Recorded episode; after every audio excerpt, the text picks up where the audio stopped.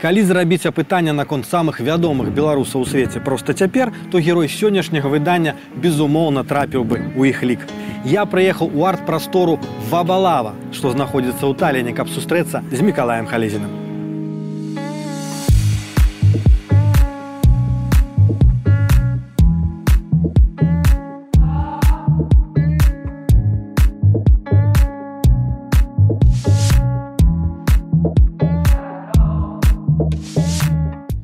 Миколай, нечакано так і приємно було зустрітися з тобою в Таллине. Розповіді, що ти тут робиш? Ставлю спектакль. Спектакль, основанный на материале, который собирал после, после августа 2020 года.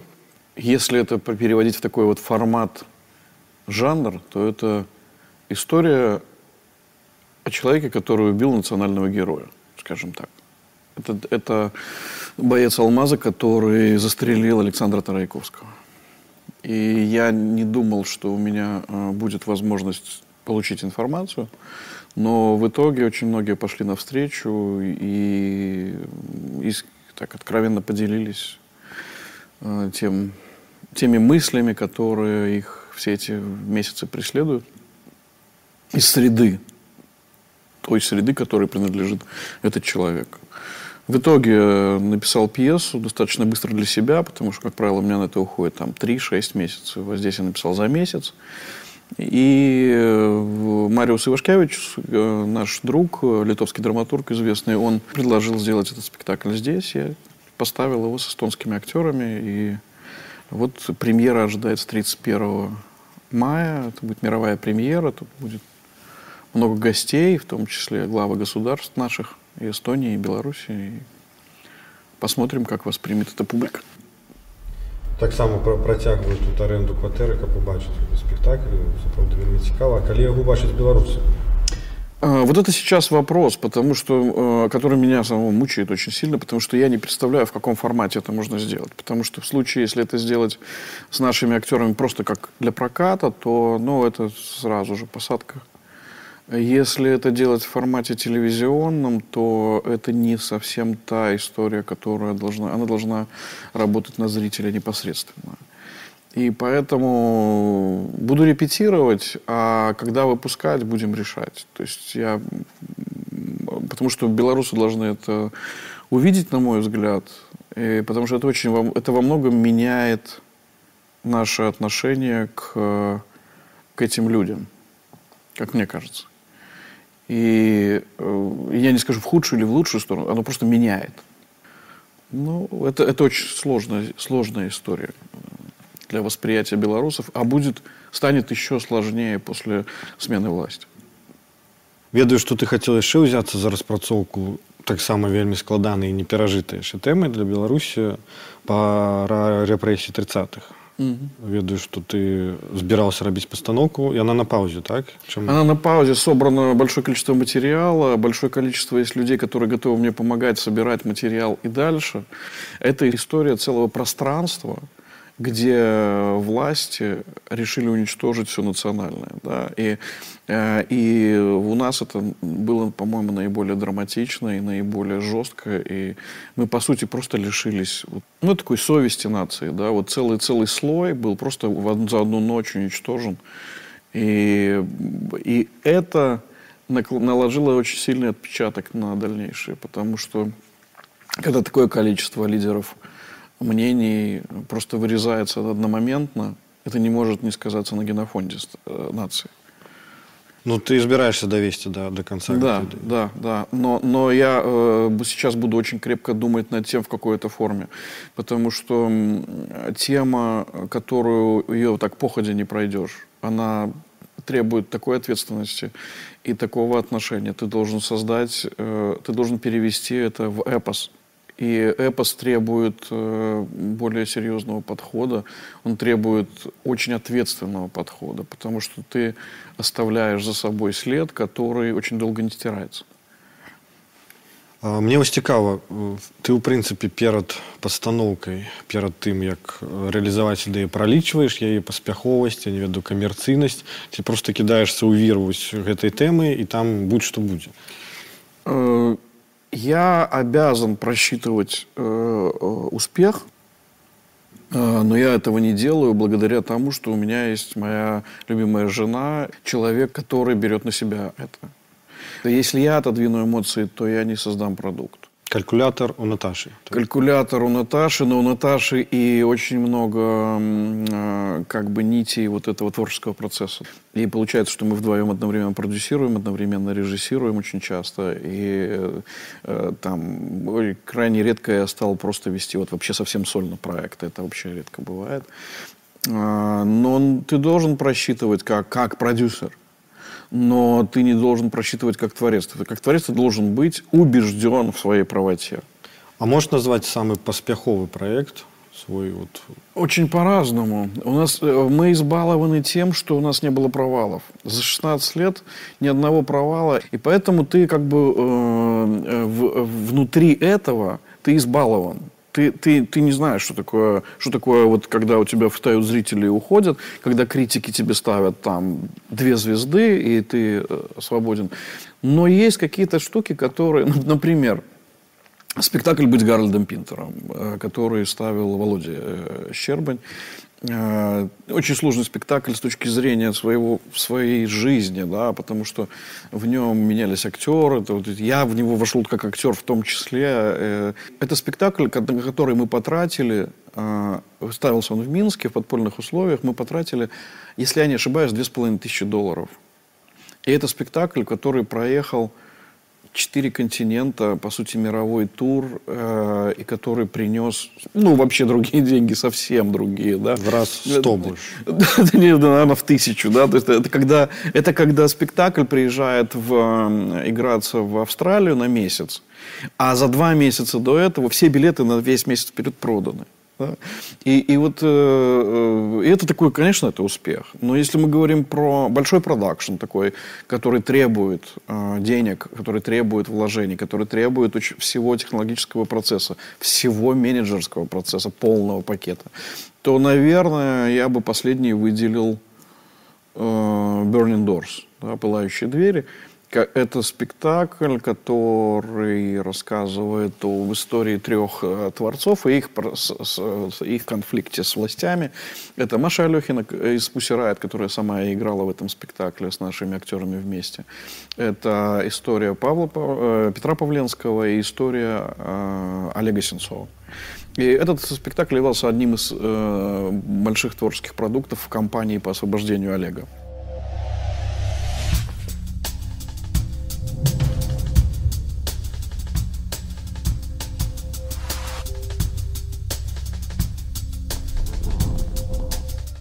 вот этот спектакль, а, он прошел полный мировой тур, он был отыгран там почти на всех континентах, а, он окупил свои затраты и принес прибыль, затраты были большими, и он вошел, например, в тройку лучших спектаклей США 2017 года по версии New York Times. Хочу трошки зазірнути у минуле твоє і каб зрозуміти, Калі ты, ў прынцыпе, адчуў, што маеш творчую здольнасць? Ой, очень рано. И я как бы рос в такой среде. У меня папа певец. Э, на заре э, своего творческого пути песнеры аккомпанировали ему. Конечно, ты живешь в другой, это другой мир. Я ненавидел детский сад, я ненавидел школу, я терпеть не мог университет, я не любил армию. То есть я успокоился только, когда я стал работать. Да. Но все это время я понимал, что мне надо заниматься творчеством, потому что я рос в творческой среде. И меня воспитывали музыканты. В 7 месяцев я уже спал в чемодане за кулисами. А в три года впервые вышел на сцену. Просто я проснулся э, за кулисами, увидел своего папу, он был на сцене, в это время пел. И я из-за кулис вышел в пижаме на сцену. А, папа, а, кто-то из музыкантов меня развернул и отправил обратно за кулисы. Мама получила от папы. Но при этом они э, все время с умилением вспоминали эту сцену. У нас в семье был запрет на занятие музыкой, потому что папа был певец, и мама говорила, я забочу, я позволю себе заботиться о ваших женах, чтобы вы не ездили на гастроли, а жили со своими семьями. То есть вот так? Э, да, потому что мама с папой друг друга очень любили, прожили вместе, там, отметили золотую свадьбу, познакомились, когда ему было 9, а ей 5, и прожили так всю жизнь вместе. И для них это было очень э, болезненно, его, его гастроли, потому что они разлучались, и им это было тяжело переносить. Поэтому как-то... Э, но, но среду выбирал очень сложно, потому что я занимался изобразительным искусством вообще. И я был художником, э, и в том числе я был сценографом, это был такой альтернативный театр в Беларуси. Ну, про это еще погутарим. -hmm. Я ось шукал информацию некую про твоего батьку, складана знайти. Mm -hmm. Что было в его репертуаре? Он э, пел дуэтом со Степаном Машинским. Степан Машинский и Николай Халезин. Такой был дуэт, известный э, в, в свое время. И они приехали в Минск жить по приглашению тогдашнего скажем так, президента Беларуси, да, главы Верховного Совета Козлова, вот, которого улица Козлова. Он их пригла... увидел э, кон... э, на концерте, по-моему, в Хабаровске, и сказал, приезжайте в Минск. А батька где народился? Э, на Урале, в Челябинской области. И мама тоже. Я один родился в, в Минске из всей семьи. И э, он сказал, приезжайте, я все устрою. Они приехали, через два месяца уже получили квартиры, что по тем временам, конечно, диво дивное.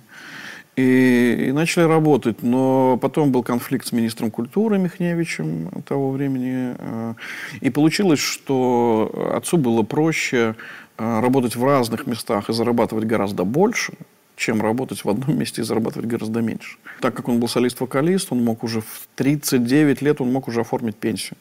Он доработал где-то еще до, наверное, до 50, еще сделал несколько программ с Лученком, там много чего делал, и, но тогда же не было этого информационного поля э, интернета. И как бы поэтому информация, она такая, ее очень сложно находить, как бы, что касается их. Я знайшов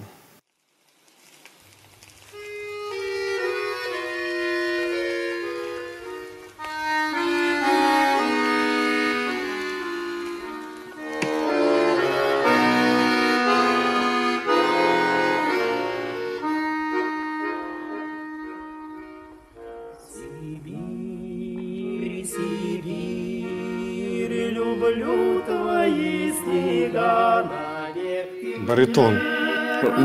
Лирический баритон. А второй тенор. Ведаешь эту песню чудовну? Конечно. Это визитка, кажется, да? М? Визитка была. А, да, это был такой э, хит э, абсолютно.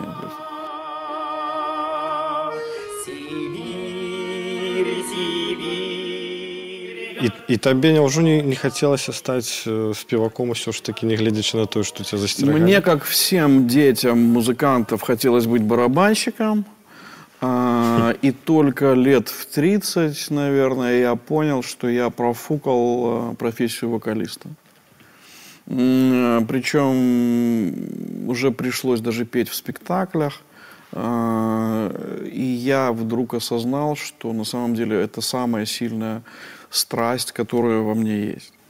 Мог Если бы. говорить про... Мог бы, да. Мог бы.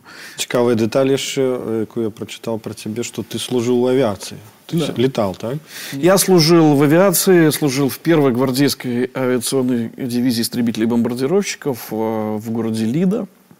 Э, сначала я занимался первые полгода авиационными вооружениями. Это там таскаешь бомбы, пулеметные ленты, которые там по 300 килограмм.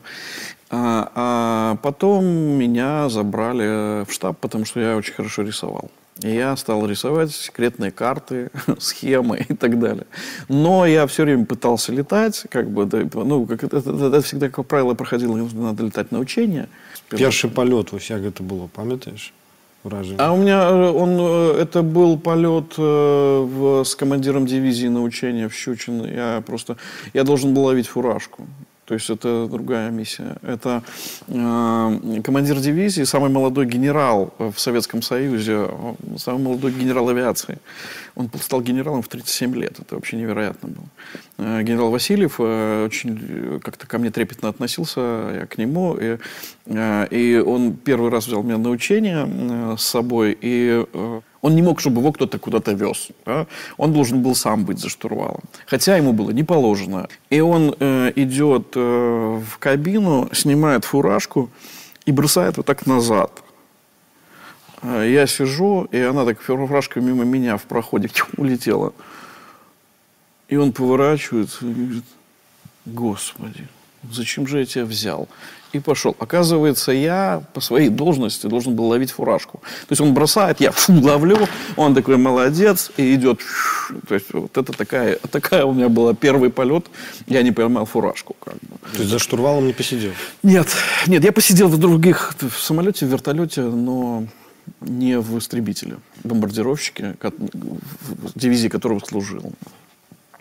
Ты вучыўся так разумею на бухгалтера в наргасе ты памятаеш той дзень калі ты вырашыў пакласці на вучобу вот абсолютно ды пайсці як бы просто на вольная хлеба а, да это был очень это был очень тяжело потому что мои родители были убеждены в том что они должны дать мне высшее образование и это правильная мотивация и э, папа был на гастролях а, а меня начало, что называется, крыть. То есть я, я уже занимался изобразительным искусством очень э, активно, но при этом ходил на занятия и, и был на очень хорошем счету э, там, в нархозе. И я понял, что у меня уже больше не могу. Я не понимаю смысла этого. Я не понимаю, почему я должен заниматься бухгалтерией. Есть, э, это очень странное состояние. Ты понимаешь, что ты в среде, которая к тебе вообще никакого отношения. Абсолютно чужое. То есть, да. И я, я приходил домой из университета, садился и просто тупо смотрел в стену. И в какой-то момент, вот этот тот день и был, наверное, когда решил, когда, когда мама подошла и сказала, ты знаешь, никакое мое желание, чтобы ты получил высшее образование, не сравнится с тем, чтобы я хочу, чтобы ты рос психически здоровым и нормальным. Поэтому, если ты хочешь забрать документы, иди и забери их. Это был счастливый день в моей жизни просто. Я, я на следующий день бежал в университет, просто бегом бежал. Я пришел, э, э, написал заявление, и сидит секретарша. У меня это вошло потом, кстати, в мой спектакль. сидит секретарша. А тогда ведь кто уходил из университета? Это кто, кого уже попал в милицию, но бумаги еще не пришли. И ты пишешь заявление, что сам уходишь. И тогда ты на следующий год восстанавливаешься. Я пишу заявление, отдаю ей. Она говорит, взяла такого, прочитала. Она такая тетка такая с батоном на голове. Такая прочитала, говорит, что, вы трезвитель? Я говорю, изнасилование. И у нее глаза стали квадратными, то есть ну, она представила, что я кого-то изнасиловал, будет уголовное дело, и поэтому это было изнасилование меня этим университетом. И все, я ушел оттуда еще на протяжении двух лет. Мне декан звонил домой моим родителям, чтобы я вернулся. То есть, зачем я это, почему я ушел, ушел зачем я это делаю. Может быть, вер, пусть он вернется. Мы его берем сразу обратно. Но я уже не мог, я, я уже, уже понял, что все, нет. Или творчество, или... А ты пошел кудысти или никуда? Никуда. И более того, я решил еще сам себя наказать за это и пошел на завод. На завод термопласт работать шлифовщиком. И это была тоже сильно смешная история, потому что я стал очень хорошим шлифовщиком. И э, меня начальник цеха сразу сказал, о, вот это тот, что, тот человек, который нам нужен. Я работал, но э, в этот момент э, один из моих друзей, который работал на празднике города, э, в, когда, это первые праздники города в Минске вообще, большие эти массовые. Он мне звонит и говорит, слушай, не хочешь взять в работу э, парк 50-летия октября? Я говорю, в смысле в работу? Он говорит, ну, полностью поработать на праздник города, сделать все, что там в этом парке придумать. Мастатское оформление, так? А, не, не только, то есть, в принципе, все, что, всю программу внутри. Я говорю, да не вопрос. Я даже сделал логотип этого праздника города сам, который чуть ли не до сих пор там где-то еще. И я говорю, ну ты понимаешь, меня с завода не отпустят. Я же, я же шлифовщик. это, это очень важно. Он говорит, не волнуйся, отпустят. И зам председателя горосполкома звонит э, начальнику цеха и говорит, вы могли бы его отпустить, поработать на недельку? Как бы. Тот впервые услышал голос зам председателя горосполкома, потому что это же были чины такие. Сказал, пришел и сказал, я ничего не понимаю. Ты шлифовщик, и тебе говорят, что ты художник, и что тебе нужно поработать на город. То есть, поэтому иди. Я пошел, заработал деньги, и понеслась. То есть там уже пошли, там Виталик Новиков, мой друг, пригласил меня как-то делать правительственный концерт в качестве сценографа. Ну и, в общем, это покатилось. По-моему, в поколении джинс ты пригадывал, что недзе, я так разумею, у гэты час, то есть сярэдзіна 80-х, ты ўпершыню пазнаёміўся з КДБ наўпрост. Да. Что, да. какая там была ситуация? Это мы фарцевали джинсами. Это было, была середина 80-х. Мы приезжали в, в, там, в гостиницу, например, юбилейное, самое популярное место было. И э, покупали у заезжих иностранцев джинсы, джинсы, рубашки, какие-то кроссовки и так далее. Э, нас ловили. Э, ловили, и тебя сразу вели в определенный номер в гостинице, где сидел человек там, или два, два человека, как в моем случае. И объясняли тебе, что ты что, ну, нас не интересует, ладно, там, там сколько у него там, там три пары джинсов, это нас не интересует. Вот если кто-то, ты, если валюту кто-то продает, покупает, то ты просто приди и скажи мне. Вот номер телефона. Ну, джинсы не, не отжимали? А, ну, вот у меня получилось, что нет. Потому что... А, ну, потому что было, было небольшое количество, и они какие-то были благолепные в этот день. То есть, и как-то меня это, я понял, что... Ну, потом стали, э, стали аккуратнее, ты уже понимаешь, как, какие-то входы-выходы, как тебе лучше встречаться. Но это была такая конспирология форцовщиков. Кто-то стучал, кто-то нет. А што сябе нужно... в прынцыпе уяўляла вось гэта нефармальная мінская тусовка того часу это очень интересная тусовка. Очень. Она она настолько отличалась. Это ведь люди были совершенно другого склада. То есть это чтобы заработать деньги на продаже пластинок или джинсов или кроссовок ты должен быть очень смелым. Очень смешно. Это как сейчас ходить на акции, когда это под уголовкой. Да? То есть ты должен вот просто э, понимать, что тебе это нужно. А нужно тебе это потому, что ты э, не потому, что ты хочешь стать богатым. Вот в этом был парадокс. Это люди, которые были во многом идеали... такими идеалистами и романтиками, да. Потому что, потому что ты хочешь джинсы э, Levi's, потому что ты хочешь э, слушать такую-то музыку, э, и, и ты хочешь собрать коллекцию винила, э, ты хочешь э, отличаться, вот просто отличаться, да, то есть э, и и это за собой вело вот к многих там и в тюрьмы, у кого-то к большим срокам и так далее. Но в этом не было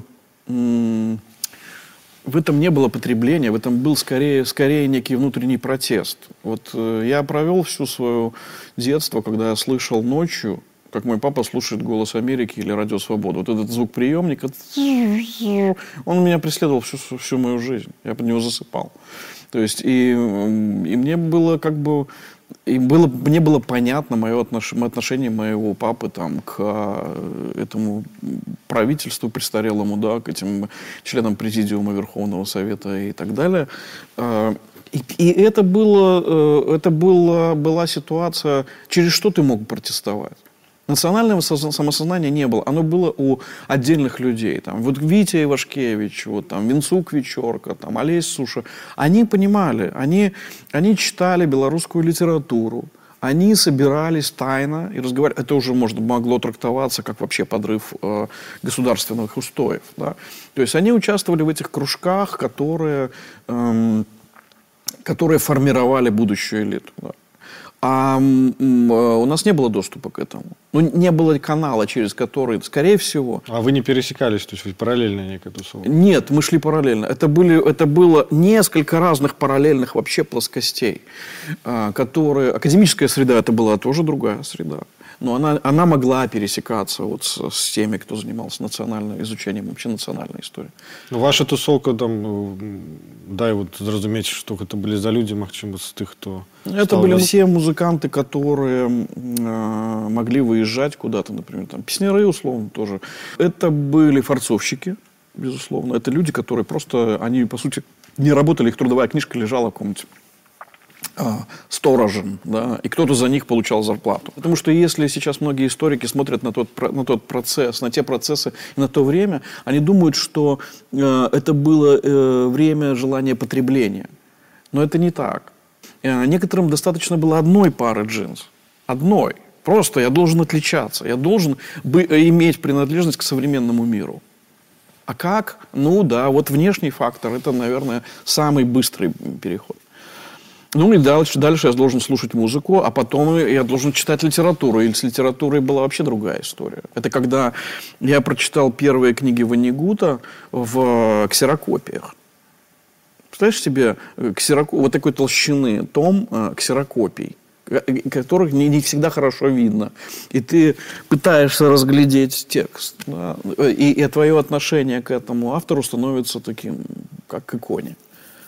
А адкуль узялась ідэя гэта ж 87 год мусіць так что можна зрабіць альтэрнатыўны тэатр і, і галоўнае вось да як это атрымалася при этом это авантюра наверное которую всю жизнь буду вспоминать а, с Юрой Грушей, который сейчас занимается кино, кинопроцессами всякими, мы с Юрой, эм, э, мы были друзьями и э, занимались, э, пытались начинать заниматься видео, а, и нас, э, наши друзья сказали, о, слушайте, а вы идите вот во дворце железнодорожников, есть там такой чуть ли не драм-кружок, там, народный, по-моему, со статусом народного театра, если не ошибаюсь. И им там нужен художник, нужен художник. Вот вы идите, поговорите, может, вы там что-то захотите сделать. И мы так как-то туда погрузились. Юра потом ушел заниматься, потому что его, его очень тянуло видео и кино. А я остался заниматься, потому что театр мне был интересен. Я стал сценографом, то есть, по сути, Григорий нас был э, режиссером, э, Леня Денерштейн директором театра, а я э, сценографом. Но это был еще не театр. Это был еще, вот по сути, формально драм-кружок такой, но который уже начал э, э, играть на каких-то фестивалях. А в это время начали по формироваться уже такие театры-студии по всему бывшему Советскому Союзу. И мы думаем, давай-ка мы вскочим в этот, в этот первый, в самый первый вагон. И э, я поднял свои связи, они подняли свои связи, и мы стали к этому как-то двигаться. Э, один момент возник, когда человек, э, директор института, институт занимался даже не помню чем, каким-то строительством, на Веры оружий, сказал, у меня есть актовый зал, хотите его, перестраивайте. Мы говорим, да, но для этого нужны деньги. Он говорит, денег у меня нет, у меня есть зал. Хотите, играете там, хотите, перестраивайте его. И мы, мы посмотрели этот зал и решили, что очень можно сделать там такой театрик мест на 150, который э, будет достаточно уютным, пусть и маленьким. А, но, но не было денег. И тут нас, нам подвернулась история, когда а, так, на тот момент еще существовала а, студия «Антенн-2» французская. Они решили снимать на, на территории бывшего Советского Союза а, документальные фильмы. А, потому что открывали для себя эту территорию. И мы решили так, что я еду с ними работать э, в качестве линейного продюсера, зарабатывать деньги. Э, от, деньги от, от этого э, пойдут в театр. А, Леня занимается стройкой. Вместе мы создаем а, проект этот э, зала с архитекторами вместе. А в это время Витас ставит спектакль, чтобы мы, когда достроим зал, выйти сразу с спектаклем.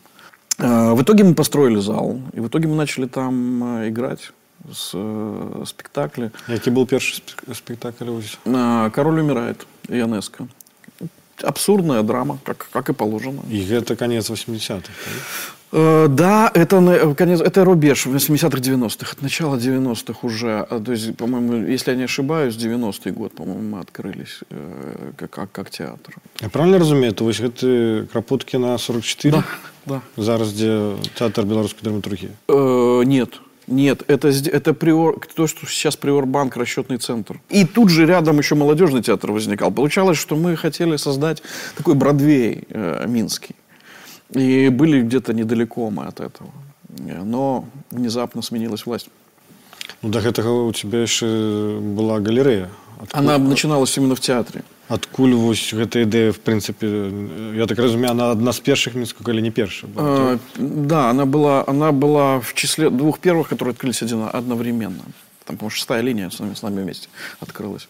Э, идея следующая. У театра было фойе я понял, что это фойе, э, так как я занимался изобразительным искусством и уже выставлялся тогда во многих странах, так, как, как художник, то я понял, что можно просто брать и использовать это фойе как, как выставочное пространство и создать галерею со, с определенным статусом. И э, начал разговаривать со своими друзьями-художниками, э, и в том числе с Центром современного искусства. На тот момент в Москве у нас своего Центра современного искусства не было. Э, в Москве тогда руководил им Виктор Мизиана. Ко мне присоединился тогда Витя Ересько, присоединился Вася Шугалей. И, по сути, мы с Васей начали работать э, в паре как художники. А, тут же нам предложили выставки там, в Москве, тут же нам предложили выставки в Милане, еще где-то. И, в общем-то, сдвинулось очень быстро. Мы провели несколько таких знаковых акций. Потом мы э, первыми вывезли большой-большой проект в Стамбул на Биеннале Стамбульская. Э, потом мы стали первыми, кто из белорусов был упомянут вообще в э, журнале «Art in America». Э, и, и так далее. То есть это целая, целая была история. Но... А можешь привести приклад некой сумесной працы з Шугалеем, бо это момент так само такі невядомы. Это, это да, но это мы делали самые разные проекты, и я получал от этого очень большое наслаждение, потому что с Васей работать, э, он всегда мог какой-то парадокс, парадокс предложить, который я бы воспринял, потому что, э, потому что Вася все-таки, мы развивались приблизительно одинаково, я имею в виду, мы читали одни и те же журналы, мы изучали одних и тех же художников, мы э, понимали уже структуру э, арт-рынка в мире, и нам было про просто. При том, что я-то выглядел таким немножко, э, как это, приличным парнем, да, а Вася-то никогда приличным парнем не выглядел. И этот синтез, он очень привлекал критиков. И, и, и уже было у него. Да, параллельно, параллельно шло. Одновременно там, знаешь, какие-то вещи были. Вася приходит ко мне такой, возьми меня к себе в галерею работать. Я говорю, а что, что ты хочешь? Ну, я вот сейчас выставку делаю а, в Национальной библиотеке. Еще, еще на Карла Маркса. Я говорю, какая, что за выставка? История моей жизни в документах. В смысле? Он, показывает ксерокопии его документов, свидетельство о рождении, какой-то комсомольский билет. Он договорился, взял там зал и в, в, в витрины выложил свои документы и встречал гостей, рассказывал им о себе. Это было невероятно смешно, то есть это был еще такой постмодернизм все-таки, очень веселый, такой разудалый, потому что Вася все это делал серьезным лицом, и объяснял э, вообще уникальность э, своей персоны. Да. Василий, ваша поэзія даволі хутка стала ш... вельмі широка вядомай. Таму такое пытанне, які у вас літаратурны кумір? Мой літаратурны кумір гэта малады беларускі павет гэта ну Владимир Някляев. Вось. Дзякуй. Ну тады да якой плыні уроку вы сабе прылічваеце і увогуле на ваш погляд якое месца у беларускім року і суадносна ў савецкім займае група ы яна займае без сумнення першае месца тому что мы выконваем такую такую Ну вось гэты багемны мінск э, пачатку 90-х зусім позняга савка да mm -hmm. который в прынцыпе ты прадстаўляў тады mm -hmm. таксама что он себе уяўляў то есть это реально вось уздым да ўсіх відаў мастацтва это реально да, это... аншлаги вечныя это, это, это... солдата на выставах концертах это, это вот э, когда кто-то шутя однажды обронил это э, высказывание, что это эпоха 91-94, это эпоха белорусского ренессанса, вот я с годами стал понимать, что так и было.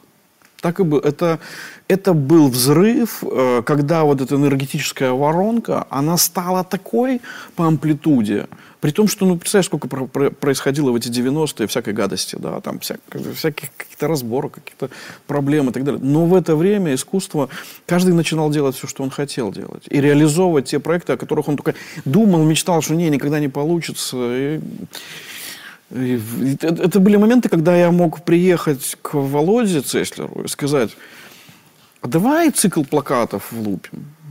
Говорю, давай. Мы придумываем э, серию из четырех или пяти плакатов. Через неделю она уже отпечатана а, и уже разъезжается по выставкам, и только начинает приходить гран-при. Это все. То есть вот это было какое-то неверо... какое невероятное. И, и ни на что не требовалось времени. Все делалось быстро. И, и вот это все работало. Оно все какое-то выстрелило вот такими вот э, взрывами невероятными. Оно должно было преобразоваться в во что-то большее, потому что такая энергия, она не проходит просто так. Но оно, но тут э, пришел 94 год, и, и все. А у тебя есть ощущение, что история повторяется зараз? Да. Да. У меня даже э, другое ощущение. Она повторяется с новой рефлексией, гораздо более серьезной. То есть сейчас мы можем получить на выходе уже искусство более высокого класса, которое будет опираться не на позавчерашний день. Нам не нужно проходить этот период. Его, он, он может опереться на сегодняшний день. Но тут вопрос э, работы э, тех структур, которые должны поддерживать культуру, искусство. Да? Как они должны ориентировать этих людей? Как, как вы перестраивать систему образования? Как, как начать преподавать, в, э, как бы не заканчивать импрессионистами, да, а начинать с импрессионистов? Вот этот вопрос, вопрос вопросов, который будет висеть и будет, будет сейчас давлеть над культурой.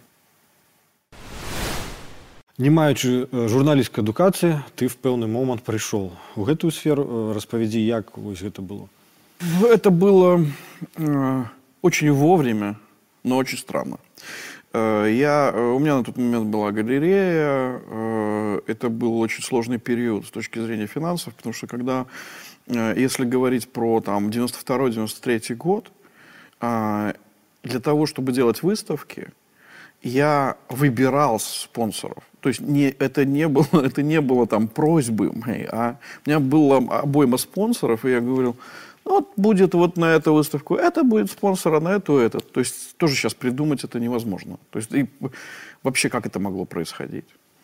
А, и 94 год, выборы, которые выигрывает Лукашенко, и просто в один день нет больше никого, нет больше спонсоров, нет больше вариантов продолжать работу, и, и не покупают работы, и э, найти как-то финансирование под нон-профитные проекты невозможно. Ну, то есть все, наступает просто в одну минуту.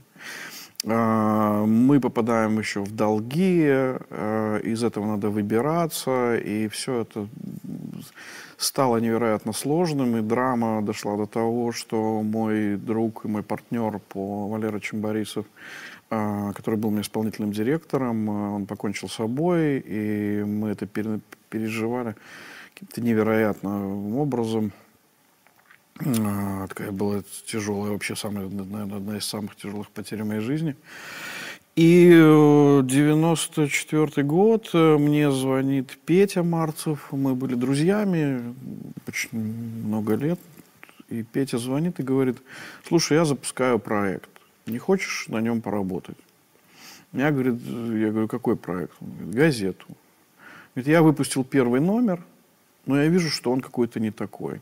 Я знаю, что ты сейчас можешь высвободить время и э, разработать концепцию этой, этого издания.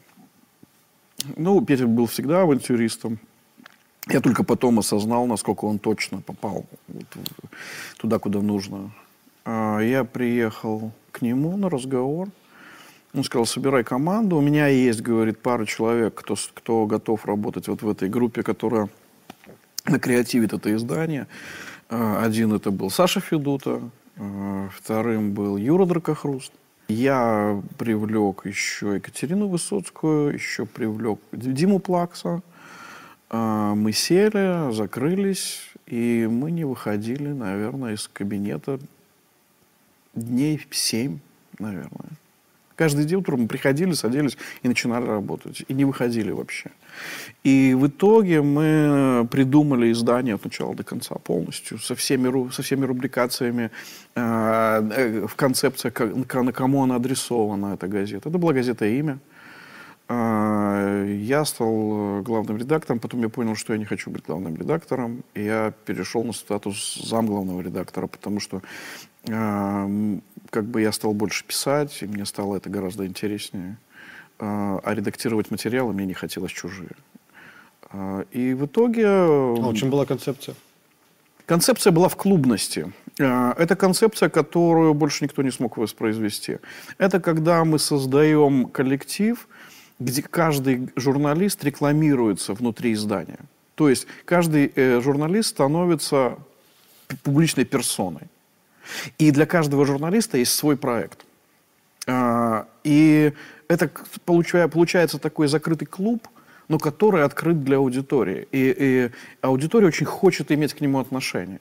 Ну, например, условно, и работал у нас стиль-редактором Илья Прохоров. Пришел просто с филфака. И типа, я хочу, вот, мне очень нравится издание, я хочу вот работать. Давай, э, хорошо.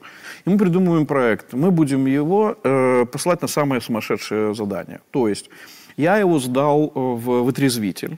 Мы сделали вид, что он напился, положили его в парке Горького. Я позвонил в милицию, мы его сдали. Вытрезвитель положили ему в карманы там то-то, то-то, то-то. У него менты украли деньги, э, включая талончики на проезд, ну и так далее. То есть, и он пишет про это материал. Или он идет и э, сутки просит милостыню напротив Макдональдса на проспекте. Или он э, ночует на кладбище или он тонет, и его спасают спасатели. То есть и Илья становится э, вот за там, два месяца звездой. Он сделал хорошую карьеру в рекламе потом, а потом теперь Это он... той самый бизнесовец, який э, Пекарь. хлебопекарный Да. бизнес открыл. Да. Э, И эта газета стала успешной. Там, в том числе, там был мой проект, который я делал на последней странице, эти коллажи. Да, дякуючи тобі, я так розумію, можна казати про одрадження чи народження навіть хоча жанру політичної сатири, політичної карикатури. Да, да, но это скорее, скорее э, э, я э, опирался все равно на изобразительное искусство больше. Я понимал, что политический коллаж – это история вот, футуристов э, 20-х, 30-х годов, да, Эл Лисицкий, Гончаров и так далее, где, где ты можешь э, э, в, в жанре коллажа представлять кари- политическую карикатуру. То есть э, мне показалось, что этого на рынке нет, и это можно сделать очень классно, э, потому что это станет э, таким фетишем. Потому что если ты просто рисуешь карикатуру, как правило, она слабо приж- приживается. Она может нравиться, не нравится, и все. А у меня задача была, чтобы это появилось в режиме постеров, которые бы в офисах просто клеили на стены да, и забавлялись с этим. И это получилось. Ну, сведкі таго часу мне рассказывалі што сеяк адзін прычым казалі што яны пачыналі чытаць газету з апошняй старонкі Да. адразу і якая рэакцыя была э, магчыма жывая выказаная непасрэдна табе э, герою твоих карикатур Ой, разное. Там были моменты, с одной стороны, казусные, с другой острые. Э, Например, э, на тот момент э, был прокурором Василий Капитан. Такой парадокс, да, такой Василий Капитан, прокурор. Они какой-то приняли закон или что-то такое для силовиков. Я сделал калаш, и там был четверостиший губермана. Их как ни шли, внимательно, они там руководители, да, последние две строчки были. Вот как бы на это он обиделся. И это было, были парадоксальные отношения, потому что он кричал, злился, и... но человек был порядочный, он никаких мер не принял, а после того, как он ушел в отставку, мы стали в очень хороших отношениях. То есть, более того, он даже очень много мне скидывал для материала, для материалов фактологии. Как бы. в суд И- не подал Нет, нет. Были другие суды. Э, Шейман подавал. Э, Это одновременно развивалось у Виктора Шендеровича. Шло это в Москве, у нас тут. Он там выиграл суд. Это позволило нам э, сказать, что нет, вот тут и выиграть суд. То есть по, по поводу этого и власти тогда... ты у шеймана выиграл суд это, это э, он подавал его как-то там хитро от Совбеза э, и так далее. Да, и этот суд был выигран, то есть они э, дело закрыли.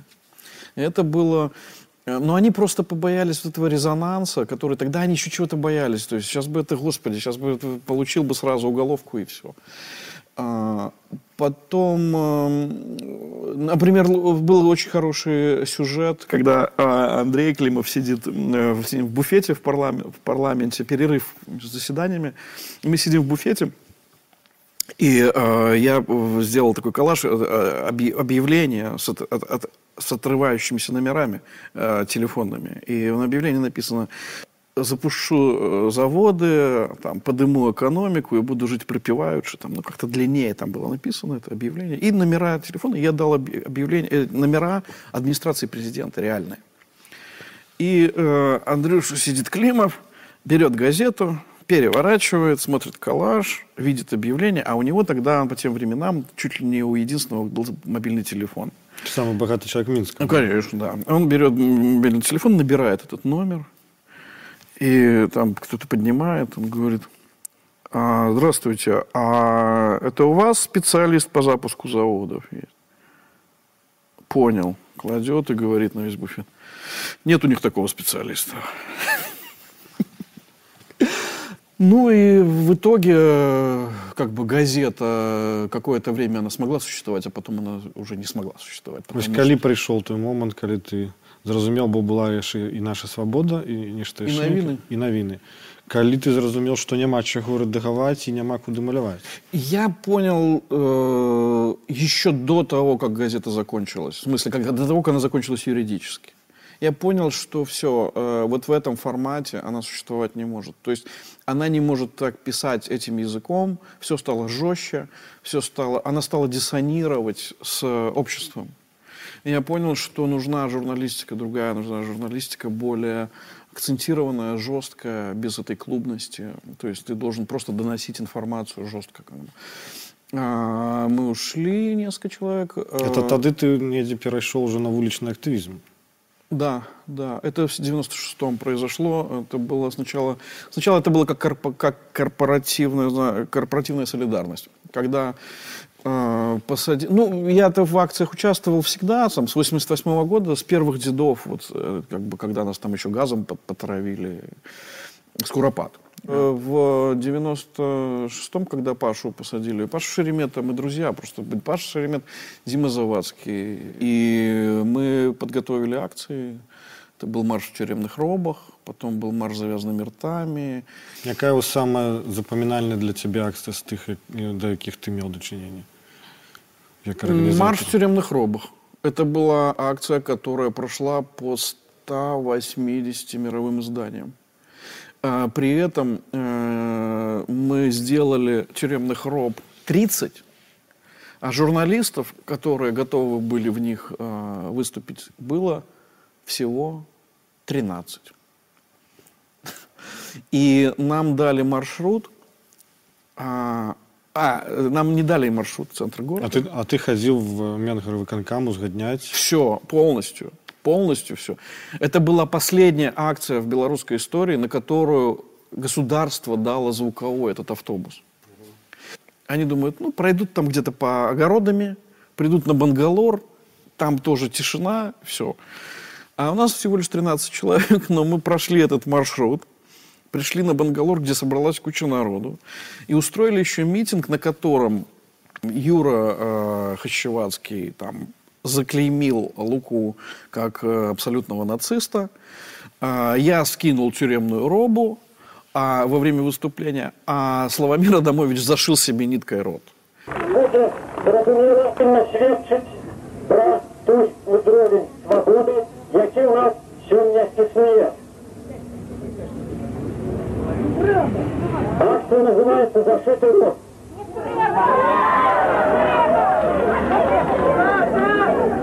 Получилось, что эта акция пошла просто по всему миру. То есть э, и власти тут сказали, все, больше никакого звука, больше нет. Это мы были виноваты в том, что больше никто не получил.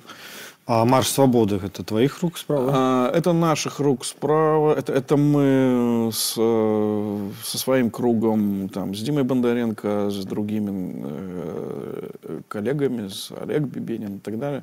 Э, мы придумали, мы поняли, что не работают рациональные подходы. То есть вот когда ты говоришь, что мы хотим выйти за лучшую жизнь или за там, кастрюльные марши, все это не работало. А мы поняли, что может сработать только что-то иррациональное. Мы должны выйти просто за свободу. И в итоге Марш Свободы первый собрал 25 тысяч человек, э, и было вот это побоище. Э, но побоище было такое относительно одностороннее, потому что отправили что-то около 40 милиционеров э, в госпиталь. Я был на, на, на тым марше, якраз бачыў гэта вот зблізу камні не кідаў мне вось цікава что гэта было? Гэта было спланаваная акция ці гэта была провокация это была акция мы, мы не планировали никакого вообще ничего силового близко даже. А, и, и сработало когда власти выставили все эти свои перегородки и прочее начали люди, которые, там потом на видео мы смотрели, это какие-то пожилые люди, которые, а там же как раз лежали камни все эти с, э, для Загодя укладки. подрихтованные для, для укладки, ну ты не понимаешь, не понимаешь, что они там одновременно тротуар укладывали, может быть это и случайность, да, потому что мы туда, по-моему, даже не планировали изначально поворачивать. А, мы выбирали, куда повернуть. А куда вы шли? В центр. Мы хотели в центр, и мы не смогли пройти на проспект, поэтому нам пришлось идти туда, через Первомайскую. И на Первомайской... И там какие-то дедушки и бабушки подавали эти камни молодым людям.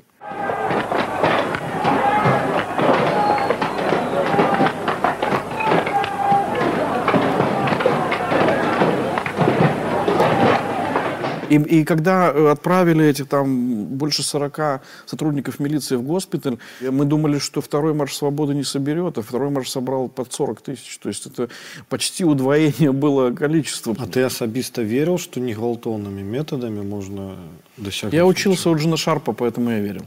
И до сих пор верю. Это, это, это вопрос э, веры. Нават калі сталі знікаць твои знаёмыя сябры то есть все одно веру. Я понимал, что если мы перейдем к силовым действиям, мы проиграем весь мир. То есть мы, с нас никто не поддержит. Никто не поддерживает э, террор. Никто. Это, это значит, что ты не сможешь приехать э, куда-то и попросить давления на власть. Они скажут, вы сами провоцируете выстрелами, взрывами, избиениями и так далее. Все, это не работает сразу. Ты памятаешь свой первый арешт, когда он был? Да, их не так много было. У меня там, по-моему, пять их, что ли. А, пять-шесть, не помню. А первый... А вот первый-то и был э, «Диктатура говно». Это когда мы вышли с НРМ а, на площадь и развернули лозунг «Диктатура, диктатура говно». Я люблю, коли светит солнце рано ранком, прась фиранки. Я люблю пах свежей кавы, я люблю смак смаженной бульбы. Мне подобается дым сигаретов, мне подобается водор парфумы. Я люблю холодные блюзы, я люблю свои джинсы старые. А, и нас отвезли, там хороший состав был, Ливон, я, ну, НРМ в полном составе, Кася Камутская, я, а, Олег Бибенин. Привезли в Советский Ровт, э, пришел какой-то полковник, развернул лозунг, прочитал с дурными глазами.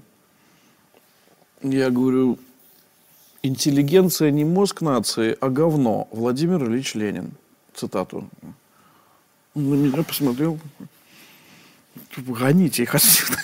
Ну и вот потлатые мы все ушли оттуда.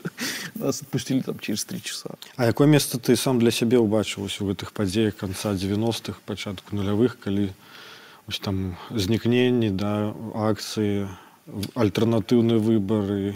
Понимаешь, я был дружен со всеми исчезнувшими, а и не был близко знаком только с Толей Красовским. Но жена Толи Красовского, Ира, она крестная мама нашей младшей дочери. То есть я ко всем имел отношение. Более того, с Димой Завадским я говорил вечером, а утром его похитили, убили. С э, Виктором, с Гончаром а, за, наверное, за неделю до убийства сидел у него дома, мы сидели, обсуждали.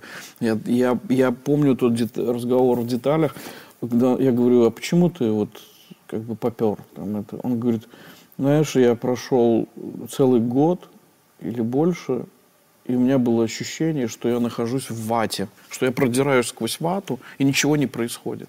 А он очень активный, очень, очень действенный, очень активный. И да, он с, с Юрием Николаевичем Захаренко были в прекрасных отношениях, очень, очень, очень смешных. Мы с ним э, из пистолета полили по портрету Лукашенко, вот такое забава, на шашлыках. На шашлыках, куда потом приехала милиция, э, увидели Захаренко, расплылись в улыбке, это было около Дроздов. Попали? А? Попали? Конечно. Ну, ты был в роли кого? Ты, ты же не был публичным политиком. Нет. И, и в принципе, политиком, например. Нет, я, я был... э, я сам не знал, что у меня за статус. Я был с ними со всеми в дружеских отношениях. Але ты нешта камусьці рыхтаваў ты неяк удзельнічаў непасрэдна Да, да, это было, это, м, если брать по- на американский манер, наверное, это политический консалтинг. То есть мы группой, которые мы потом создали, э, Зубр, э, мы этой группой как бы консультировали, э, составляли комбинацию, в какой может быть выигрышным. Да? Вот этот вот альянс тогда молодых политиков, которые сейчас уже не молодые, там Толя Лебедько, э, Олесь Беляцкий, В- Винцук Вечерка, э, Паша Данейко и так далее, и так далее. Мы их тогда, Коля Статкевич, мы тогда их объединили в один ряд, и они во всех партиях сменили руководство. То есть они все стали руководителями партии взамен тех пожилых людей, которые там были до этого. А цябе ў публічную палітыку не цягнула Да нет, я вообще не хочу никакой публичной политики. Для меня это как бы странно выглядит. Я творческий человек, у меня... э, Я больше думаю о творчестве, чем я буду думать о политике. И у меня убеждение, что...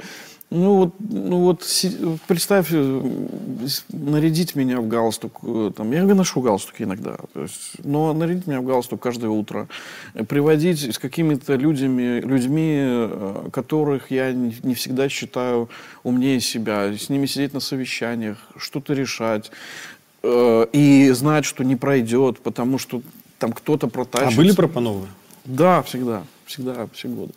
Все годы, и ну, я всегда дистанцировался, я всегда объяснял, что, ребята, вам будет, вам, я вам выгоднее не политикам. калі падсумаваць вось гэты твой перыяд у жыцці паліткансультанта вулічнага актывіста якое ты лічыш такое самае галоўнае твоё дасягненне ў гэты час М, Самое главное, это то, что я, как говорят у нас э, в каких-нибудь шабанах, да, то, что э, э, пацан не сосал. Вот то, что э, мог ведь сказать на моменте, что нет, я буду заниматься чистым творчеством, политика это все грязь, как бы, а я останусь чистым. Да? Кто за политик? Да, и э, я этого не сделал. Я думаю, что вот то, та история, когда я слушал, э, как папа слушает «Голос Америки» и «Радио Свободу», я думаю, что это во многом сказалось. Что, что я понимал всегда, что политика – это часть нашей жизни. Ну, и она иногда, не иногда, а чаще всего она еще и важнее всех остальных сегментов, да, потому что, ну, мы, мы- и там, семья, здоровье, а, политика, все это один ряд. Это один ряд. Наш, сейчас на- белорусов политика бьет по башке палкой, реально. И, и говорить о том, что я буду вне ее, или над ней, или над схваткой, ну, это чушь такая абсолютно. И это надо признать. Но признать это человеку творческому очень тяжело, потому что, я не знаю, помнишь ли ты, но давление на свободный театр было невероятным а, изнутри. Не снаружи, не от властей, а изнутри. Когда говорили, вы конъюнктурщики, вот не будет Луки и вашего театра не будет, вы занимаетесь политикой, политиканы от искусства, что вы продаетесь на Запад вот благодаря этому. Ну, в итоге сейчас я могу спросить у всех современных а, инициатив театральных в Беларуси. А чего политикой вдруг? Почему полезли в политику? Хочется славы, да? То есть мы можем тоже так же пе- пе- перевернуть ситуацию. Но на самом деле просто пришло время, когда осознали, что это просто часть нашей жизни. То есть это, это- это та часть, которую мы, игно- если мы игнорируем, то на этом все заканчивается. Заканчиваются все остальные виды творчества. Как это произошло, например, у купаловцев драматург чарговая прафесія якой ты не вучыўся але авалодаў з чаго раптам Э, Это получилось не внезапно. Э, Когда еще был альтернативный театр, я помню, журналистка писала про нас какой-то материал и спрашивает, «Э, а чем ты будешь дальше заниматься? И я почему-то э, произнес может, пьесу напишу. А, Хотя тогда я ничего не написал. А, Но через полгода я сделал инсценировку. Я очень хотел поставить э, по книге «Уловка, «Уловка 22» Джозефа Хеллера. Я хотел сделать спектакль. И я написал инсценировку. И я понял приблизительно, как работает драматургия. Но потом, э, это было давно, потом прошли э, как бы годы, и я очень устал от политики. Очень устал. Я очень устал даже не от политики, а я устал от взаимоотношений с политиками. И я начал писать просто первую пьесу. То есть я вдруг подумал, что надо... А я вот сяду и просто пьесу напишу. Эту пьесу, у нее смешная история, потому что ее украл э, один из российских театров, и она теперь визитная карточка этого театра. Они каждый сезон открывают этой, этой Ну, пьесой. про какую пьесу говорю? Э, называется она э, «Полуночная жертва». А потом я написал следующую пьесу э, и отправил ее на конкурс э, к- на Евразию. И на Евразии э, она получает специальный приз. И проходит какой-то, наверное, месяц, звонок по телефону, звонит Олег Меньшиков и просит эту пьесу себе в работу. Я соглашаюсь, э, приезжаем в Москву, начинаем переговоры с Олегом, решаем, что и как. И проходит еще месяц, у него там тянется, у него одновременно два больших кинопроекта были. И э, раздается другой звонок. Звонит Олег Павлович Табаков. Говорит, э, я хочу твою пьесу ставить. Я говорю, я... Гэту же. А? Гэту ж. Я говорю, я не могу, потому что я ее пообещал Олегу. Я понимаю, что у вас условия гораздо лучше, но я уже пообещал. Я вынужден отказать. Он говорит, Олегу, Олег же занят, типа, сильно. Я говорю, ну, вроде бы будет ставить и играть. Я узнаю. Он начал узнавать, потом э, говорит, что затягивается процесс. Короче, в итоге он нас затащил в Москву, мы приехали, и он выкупил эту пьесу. Э, Табаков. а? Табаков. Табаков, да, в Амхате. И выплатил рекордный по тем временам гонорар за пьесу. Я не знаю, сейчас кто-нибудь перебил его или нет, но это был рекордный гонорар. И мы ехали в поезде из Москвы. А сумму не, не узгадаешь? 10 тысяч долларов. На той час это было... Для пьесы это и сейчас рекорд, я думаю. Ну, я не знаю, кого-нибудь, кого-нибудь сейчас такого платят гонорар там или нет. А что в этой пьесе было такого? Она... эм, это просто из жизни человека. Ничего, в том-то и дело. Это просто же человек разговаривает э, с мамой, э, папой, другом, дочерью и ангелами. Но она собрала, э, по-моему, 7 или 8 драматургических призов, э, и она вошла в э, состав лауреатов э, Берлинского фестиваля. То есть э, Берлинский фестиваль – это, в общем-то, самый высокий статус э, победившей пьесы для Европы. Ну, это И- был- А эти деньги, мы ехали в поезде. И э, я говорю, слушай, ну столько драматургов берут сейчас призы, давай что-нибудь для драматургов сделаем. Даже говорит, давай сделаем конкурс драматургический. Свободный театр. В итоге э, мы все эти деньги потратили на создание свободного театра. Пришел Володя Щербань, говорит, я тут поставил психоз 4.48, играть его негде, из Купаловского нас турнули. Давай сделаем, давай, мы сделали. Есть в- некий конкретный граффити. день народжения? Да, свободного 30 театра? марта. Это мой день рождения.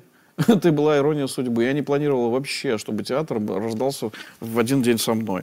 Но э, мы к, к этому моменту пришли, и нам нужно было помещение, где бы провести пресс-конференцию.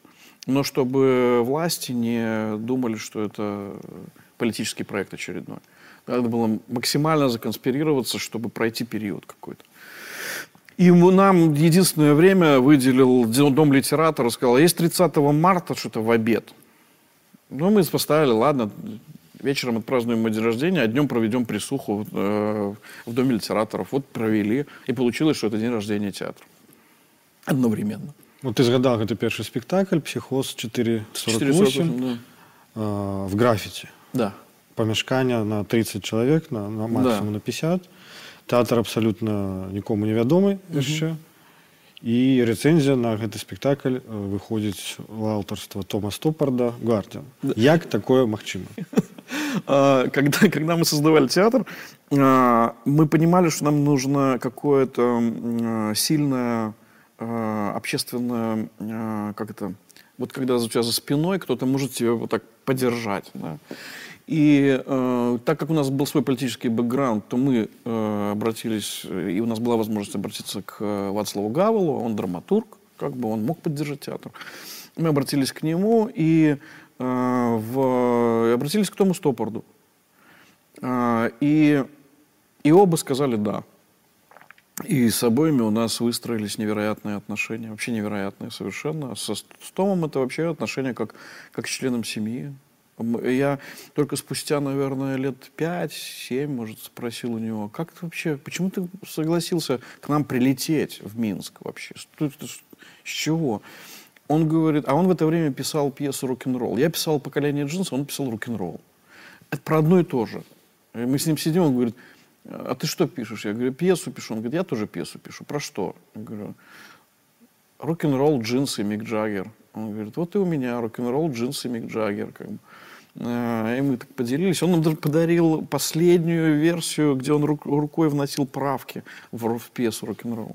А с Гавелом э, мы, ну это вот можно рассказать уже сейчас. Э, мы в 2011 году создали такой манифест поддержки э, творческих людей в Беларуси, и которые подписали разные выдающиеся люди. Ну и отправили тоже и Вацлаву, и, и получили от него письмо, что я, безусловно, подписываю этот манифест, э, и мне э, безумно жаль, что я больше для Беларуси не могу ничего сделать.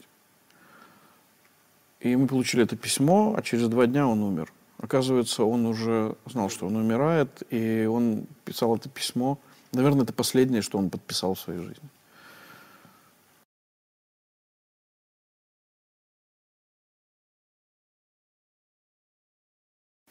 У свабоднага тэатра якая уникальность творчай прапаноў была чему он так полетел он полетел потому что он предложил новую э, он предложил уникальную технику создания спектаклей, и он предложил глобальный подход к осознанию современных вызовов мира. А, то есть, причем сначала это шло через белорусскую а, проблематику, а потом вышло на международную проблематику. А, и он таким и остается, он остается инновационным. И плюс это единственный театр на сегодняшний день в мире, у которого к большинству проектов существуют компании общественные.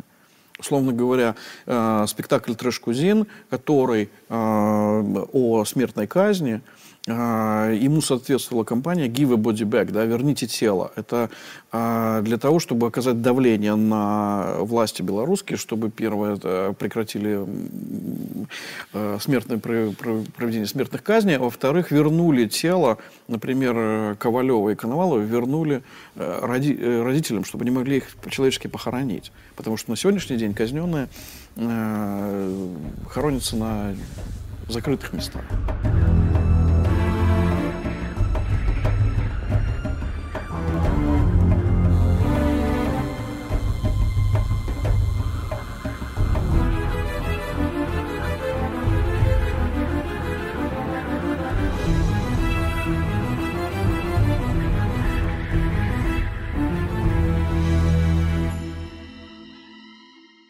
Вообще, на самом деле, э, для начала у многих был шок, потому что мы базировали это на э, футбольной проблематике. То есть э, концепция самого свободного театра, она строится на концепции тотального футбола. И наша концепция называется total immersion, тотальное погружение.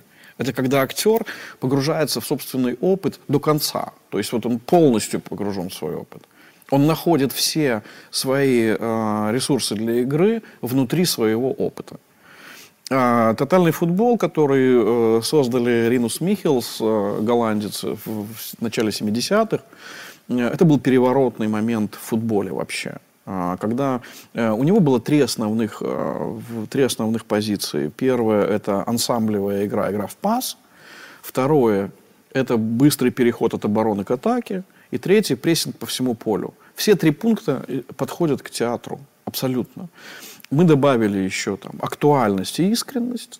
Для цябе асабіста самая галоўная пастаноўка за гэты 16 год існавання тэатра якая Если говорить о значимости, о том, что э, как я сжег мосты, да, то это поколение джинс.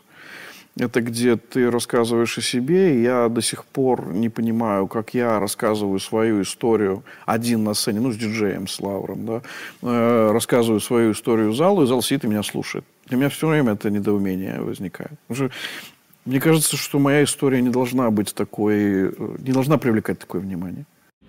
Такой ра- разговор мог продолжаться и часа два. В нем периодически всплывали институты, с которого тебя, скорее всего, исключат, родители, которым должно быть стыдно за такого сына, тюрьма, в которой тебе предстоит провести ближайшие 15 лет, Потом с Джудом Ло сыграли поколение джинс в, в здании впервые в истории брита- британского парламента. В его стенах мы сыграли спектакль прямо в зале House of Commons.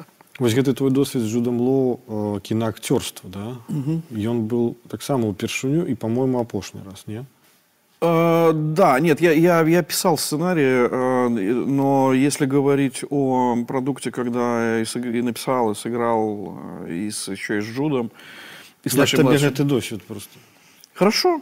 А с Жудом у нас просто очень хоро... ну, дружеские отношения очень долгие. И в кадре он идеальный партнер вообще. То есть он четко реагирует вообще на тебя, он все время включен. Но нас обоих с ним переиграла наша, моя, наша младшая дочь. London. Okay? Лондон? Yeah. Мне не надо Лондон. Самолет другой. Лондон, Минск. I don't understand. Минск надо. Oh, he's in transit. I mean, in London. He needs to fly further to Minsk. You need to go to Minsk. Минск. Minsk in Russia? No, it's capital of Belarus. Я из Киева была. My mom loves you. Я, в принципе, назіраю за свабодным тэатрам а, практычна ад пачатку. Я не ведаю, памятаеш ты ці не, ты меня запрашаў там на, на адну з першых пастановак там, я не памятаю, Да всегда, нейкім- всегда нейкім так, да. коттеджы, я не, зеленый луг это был ці што. И, в принципе, далее ситуация развивалась так, что нібыта, что вы поширали зоны уплыву. То есть вы э, распаўсюдзіліся на Европу, потым на Америку, потым на Австралию. Гэта был нейкі конкретный план по заваёву свету вот, континентами мыслення ці все ж таки вы як так на, на хвалі просто вот, леглі і вас кудысьці вось так Нет, это, это, это синтез. Это синтез. С одной стороны, ты понимаешь, что м, тебе туда надо, куда-то, в Австралию или в Африку. Да. Первая серьезная поездка в Руанду, в Африку это в Руанду. Потому что нам, мы хотели изучить эм, историю геноцида. И мы поехали туда, потратили заработанные собой деньги, огромные деньги, на то, чтобы там э, прожить какое-то время изучать ситуацию. Э, На следующий год поехали туда же, уже в Руанду и Уганду. да. Просто тебе нужно туда. Ты понимаешь, что э, иначе я мало что понимаю про мир. Мы, мы сделали спектакль в 2013 году «Red Forest». Э, Мы начинали его делать как спектакль о том, как меняется климат и как это сказывается на э, планете.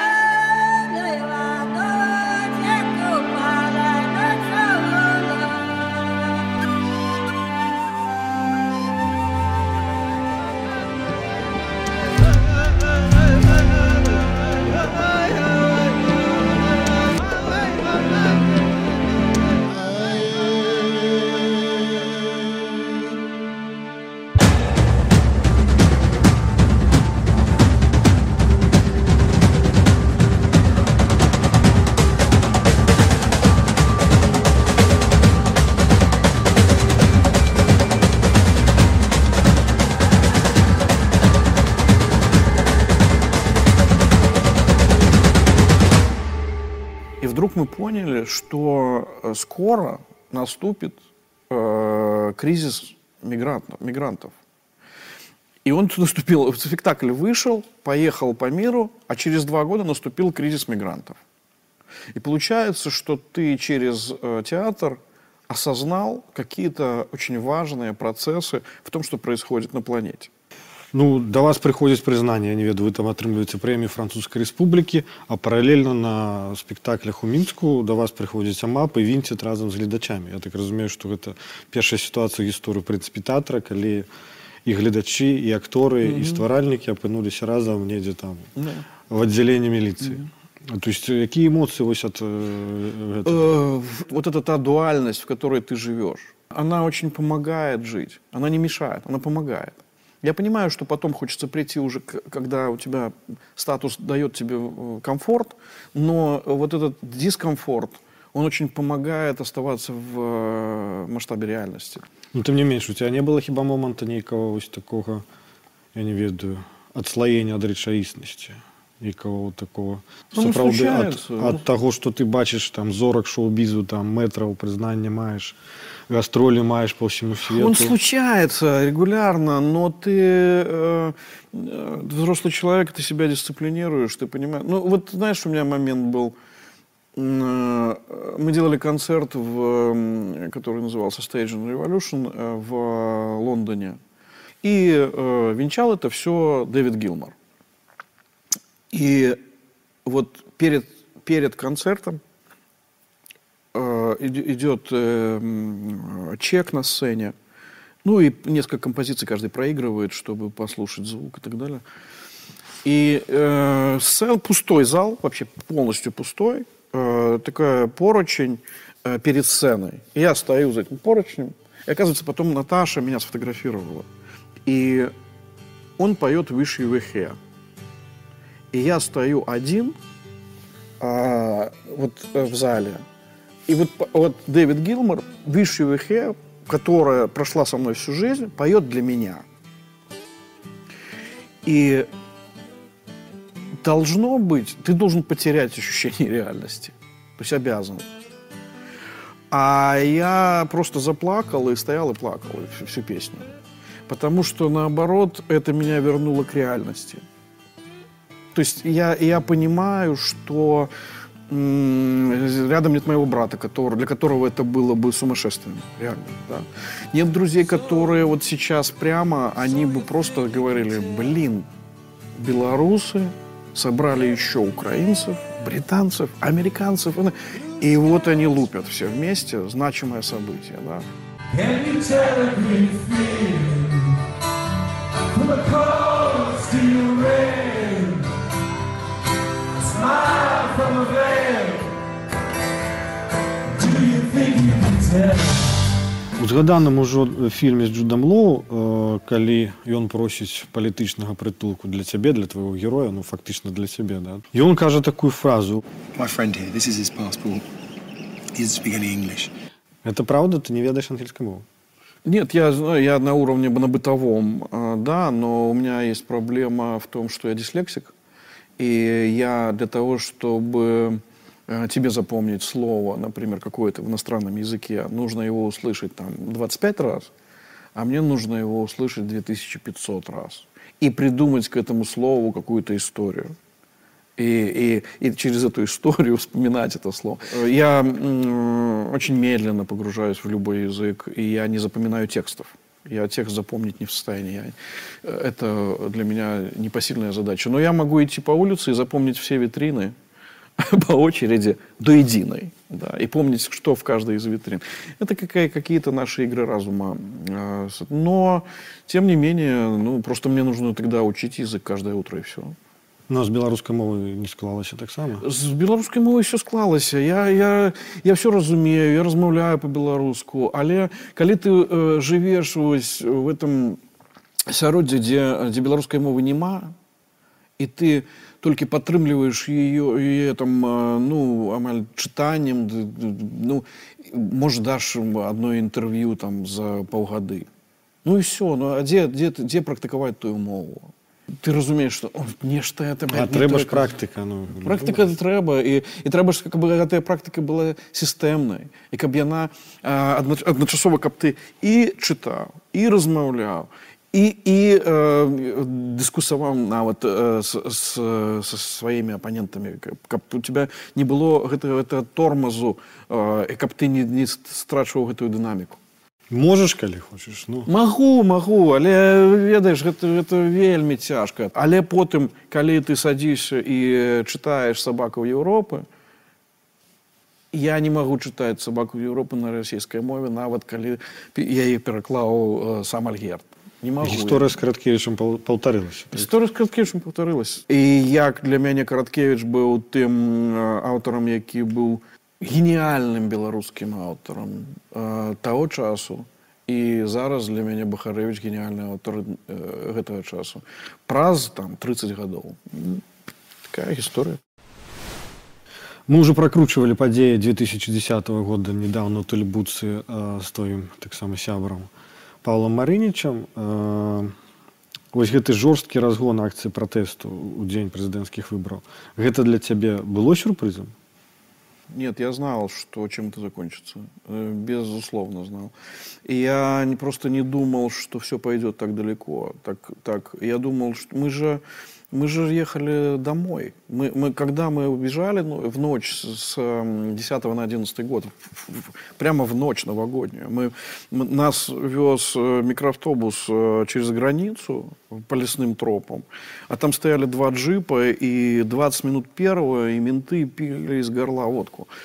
А а мы выскакивали из страны, чтобы нас вывести. И, э, а 3 января у нас начинались гастроли в Нью-Йорке. Мы полетели туда, и все время следили, что происходит, отслеживали ситуацию, чтобы понять. Мы возвращались домой. И мы прилетели в Великобританию, мы еще слетали в Гонконг, отыграли спектакли, опять вернулись в Америку, потом прилетели в Великобританию. И мы подали на статус беженцев последний день работы визы.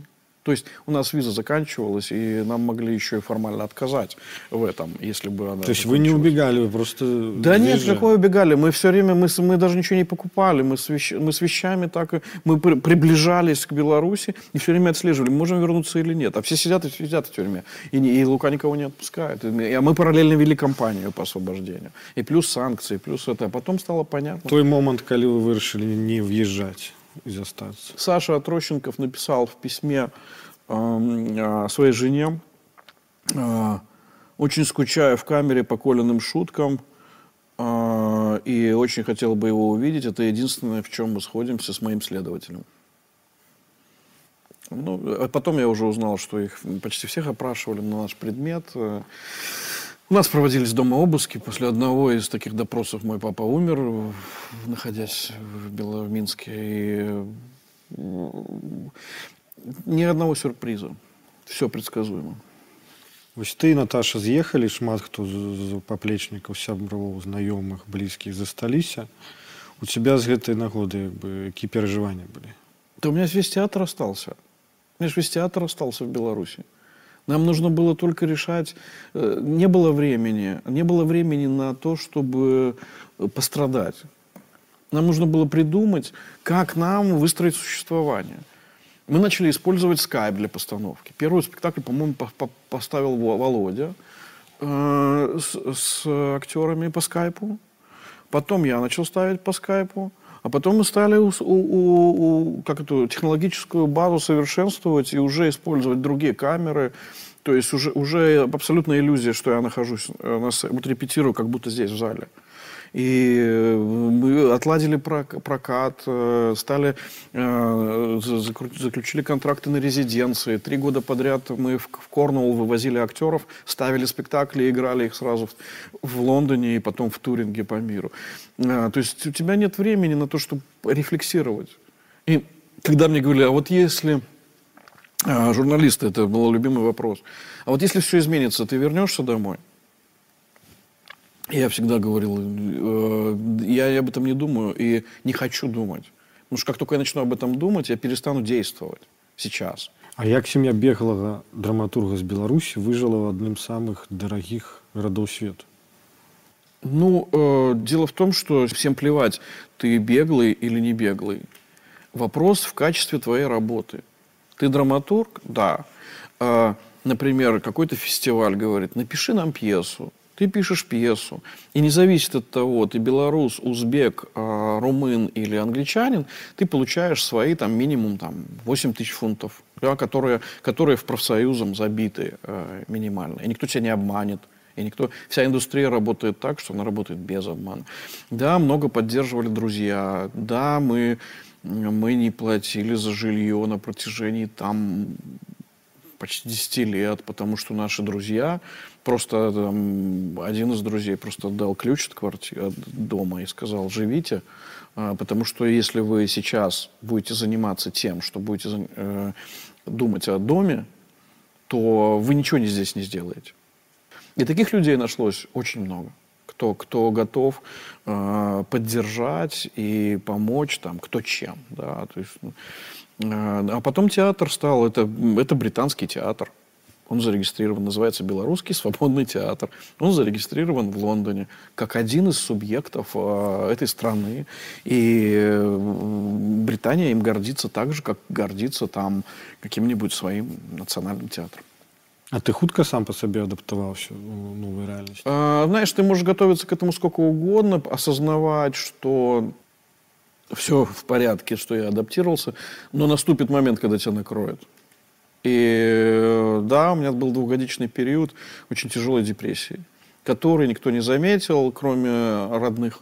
Но в итоге он закончился, и сейчас я как в боевой форме, да, очень хорошей. В смысле, творчески я сейчас в очень серьезной форме, то есть я могу многое делать. Но был период, когда ты просто не можешь. Ты даже не знаешь, как с актерами разговаривать. А что тебе это помогло с этим справиться? А, семья. Семья. Каждый, каждый вечер я готовил ужин, и мы э, все вместе ужинали. Э, каждое утро я готовил завтрак и приносил его в постель жене. И нужно было этот ритм, чтобы он никогда не прерывался. Он не прерывался, и ты понимаешь, что только это тебя спасет. То есть плюс друзья, которые всегда верили, и плюс надо писать хотя бы страницу в день. Нужно э, думать над новыми проектами хотя бы час. Да? И если ты э, будешь это делать методично, то будет к этому времени добавляться, добавляться, добавляться. И ты опять придешь к ситуации трудоголика, когда ты будешь работать по 16 часов в сутки и проклинать, и говорить, что да господи, да дайте нам мне два дня поспать, да. Или дайте нам с женой съездить куда-то, слетать просто на море, а не, в, а не на гастроли Мне ось цікаво, ви робили глобальні акції там, з Міком Джаггером, там, з Pet Shop Boys, з згаданим уже Лоу, Спейсі, гілмарам з пінфлойд як табе атрымлівалася іх зматываваць і зацікавіць беларускай тэматыкай про якую яны я думаю что до цябе наўрад ці задумывались ты знаешь это вот такая иллюзия что они не они это люди которые живут в информационном потоке если революция происходит в беларуси поверь они все знают они они все читают газеты они все очень эрудированные и так далее и я бы тут больше говорил наверное не про меня а про наташу все все-таки, потому что э, Наташа как-то умеет им объяснить, что им это надо. Да? Потому что, ну, поверь, вот был у меня момент в жизни, когда я э, просто был в шоке. Когда звонок э, по телефону, я поднимаю трубку дома. Э, Здравствуйте. Э, скажите, а Наталью можно? Я говорю, да, а кто это? Говорит, это Дэвид. Я говорю, да, сейчас дам. Э, даю ей трубку. Она разговаривает там полчаса. А потом приходит, я говорю, ты кто? Она говорит, это Гилмор. Это мой, мой первый контакт в жизни с Дэвидом Гилмором. Вот и ты такой... Я за пластинку Dark Side of the Moon когда-то в какому-то форцовщику платил там какую-то космическую сумму. И ее не давал никому в руки. Да? То есть как бы вот так. Вот. И тут Звонит он тебе домой, спрашивает твою жену. То есть, блин, что происходит в мире вообще? А потом ты понимаешь, потом мы встречаемся где-то на чем-то дне рождения. И это, ты понимаешь, да это просто человек. Ну, ну, ну, то есть, вот, э, а, а твой спектакль, когда кто-то точно так же воспринимает, там, кто-то из зрителей говорит, да, ну, это человек, который поставил этот спектакль. Ну, да, так это просто человек, просто я, а он просто он. И в жизни это очень простые люди, очень простые. А, а, Нил Тиннант из Pet Shop Boys, это же мы его сгвалтили сыграть э, со мной кусок из э, поколения джинс на сцене. И он говорит, я не готов. Я ни разу в жизни не был актером. Ты не понимаешь. Я не, я не знаю, как это делать. Я говорю, ты собираешь стадион 100 тысяч, и ты мне рассказываешь, что ты к аудитории не можешь выйти. Так не пой, говори. Это же то же самое, да. И он выходит, делает это, и потом благодарит и говорит, блин, классно, я первый раз побыл актером. То есть, ну, да. Тая кампанія жыве Беларусь да там калі цягам некалькі год э, вядомыя персоны казалі ўласна жыве Беларусі і там I wish everyone Belarus good luck with their project for freedom, free speech, free assembly, and joining Europe. And so long live Belarus. Живе Беларусь. э, быў нейкі канкрэтны сэнс э, нейкі плён вось гэтай акцыі Конечно, во-первых, это же было в 2011 году, когда, например, Лурид говорит, я говорю от лица Александра Федуты, который сидит в тюрьме. Да? И он говорит текст. And I would wish freedom for him and freedom for Belarus. Или Олимпия Дукакис, которая, к сожалению, ушла от нас три дня назад, э, э, которая лауреат Оскара, да, которая говорит, я говорю от лица Ирины Халиб, которая находится в тюрьме.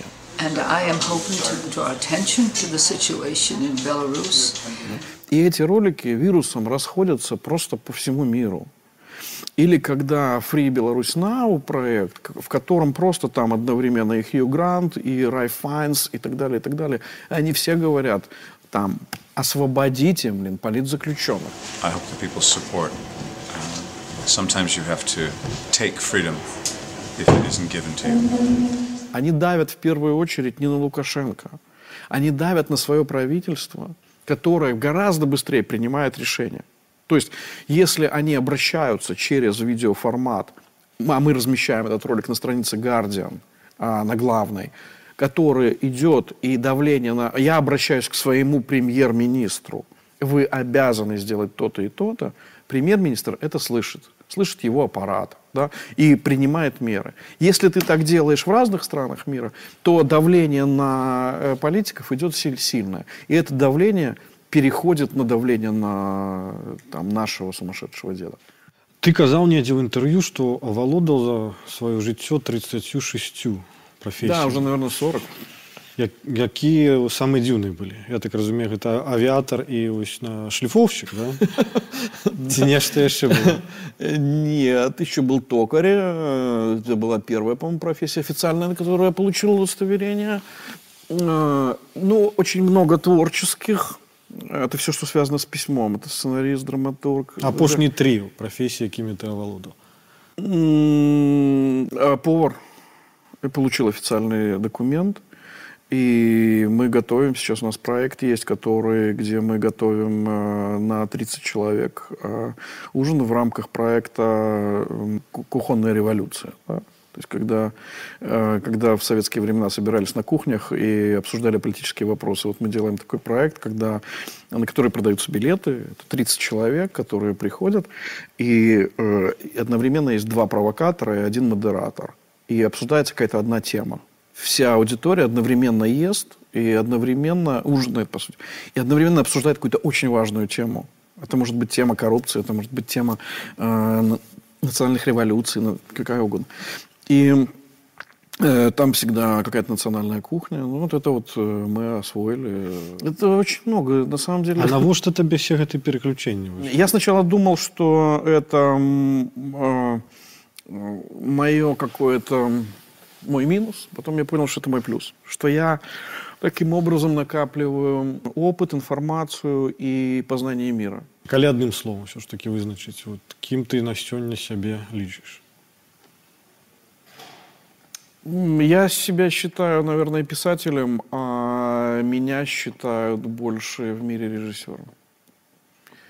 То есть э, в этом есть небольшой диссонанс, он небольшой, э, но это знаешь как, просто до большой формы не добрался, потому что не было времени. Вот достаточно выпустить э, роман, если он становится успешным, то тебя быстро заталкивают в, в- в писатель, и тебе уже нужно тогда добиваться того, чтобы тебя вернули в режиссуру. а, як ты ацэньваеш э, слова лялькавод і калі ця называюць так Нормально совершенно. А, это же часть театра. Другое дело, что у нас уже... Это, это когда они не успевают за развитием мира. А, Кукловод, э, ну, то есть это есть театральный принцип, да, то есть который в кукольном театре человек, который водит кукол. Э, Режиссеров тоже воспринимали как э, кукловодов, то есть что актеры это такие куклы, а режиссер ими управляет. Но мир изменился. Мир изменился. Теперь перспективный театр и развивающийся театр – это где нет одного человека, который все знает. Вот этот режиссер, гений, который все познал, и он знает, как нужно играть и что нужно играть. Ну, ты поза тэатрам намагаешься рэжысаваць працэсы, якія адбываюцца. А какая разница? А какая разница? То есть для тебя это все свободный театр? Да, конечно, это точно такие же, тоже горизонтальные связи.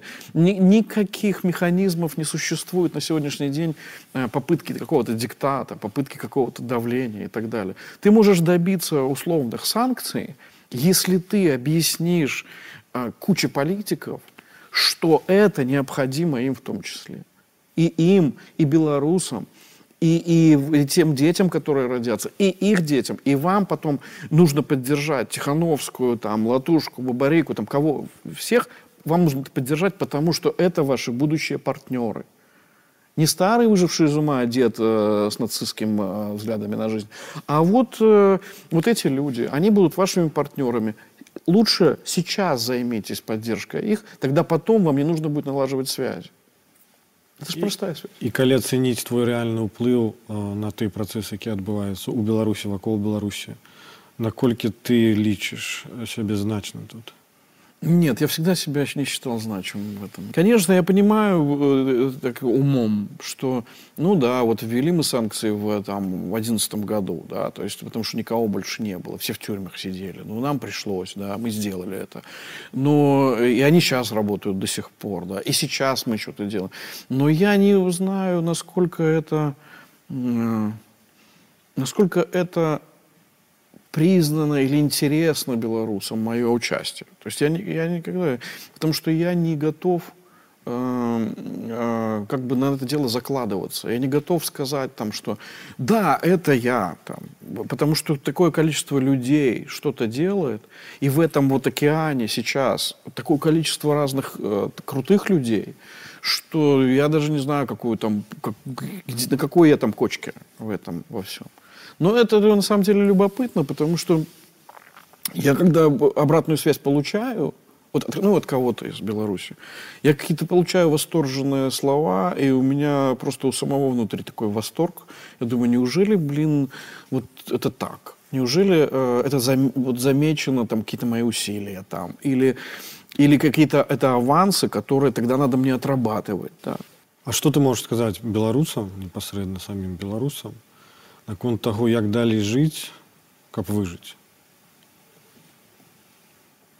Самый сложный вопрос.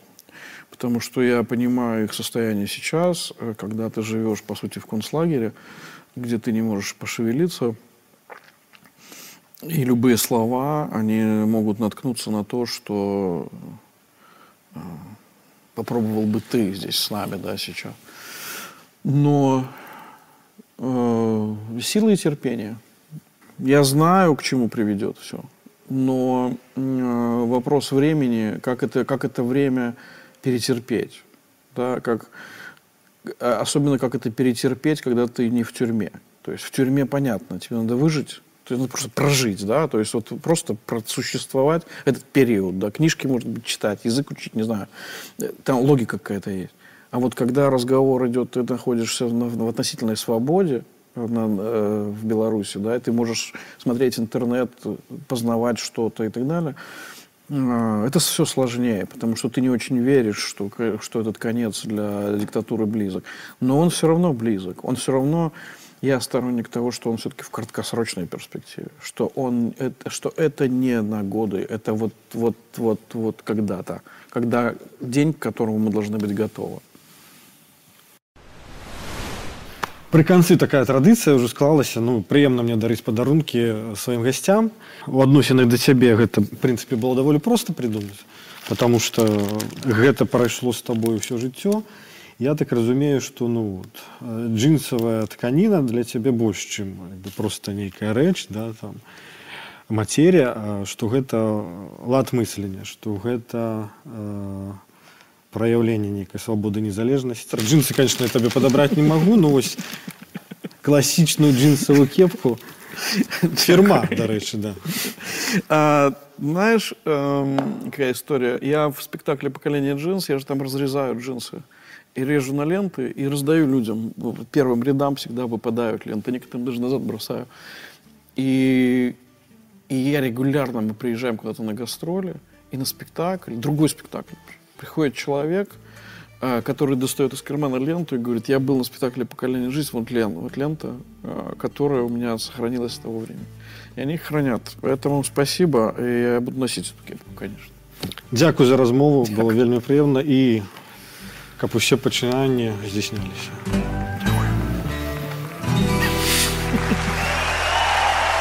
Все.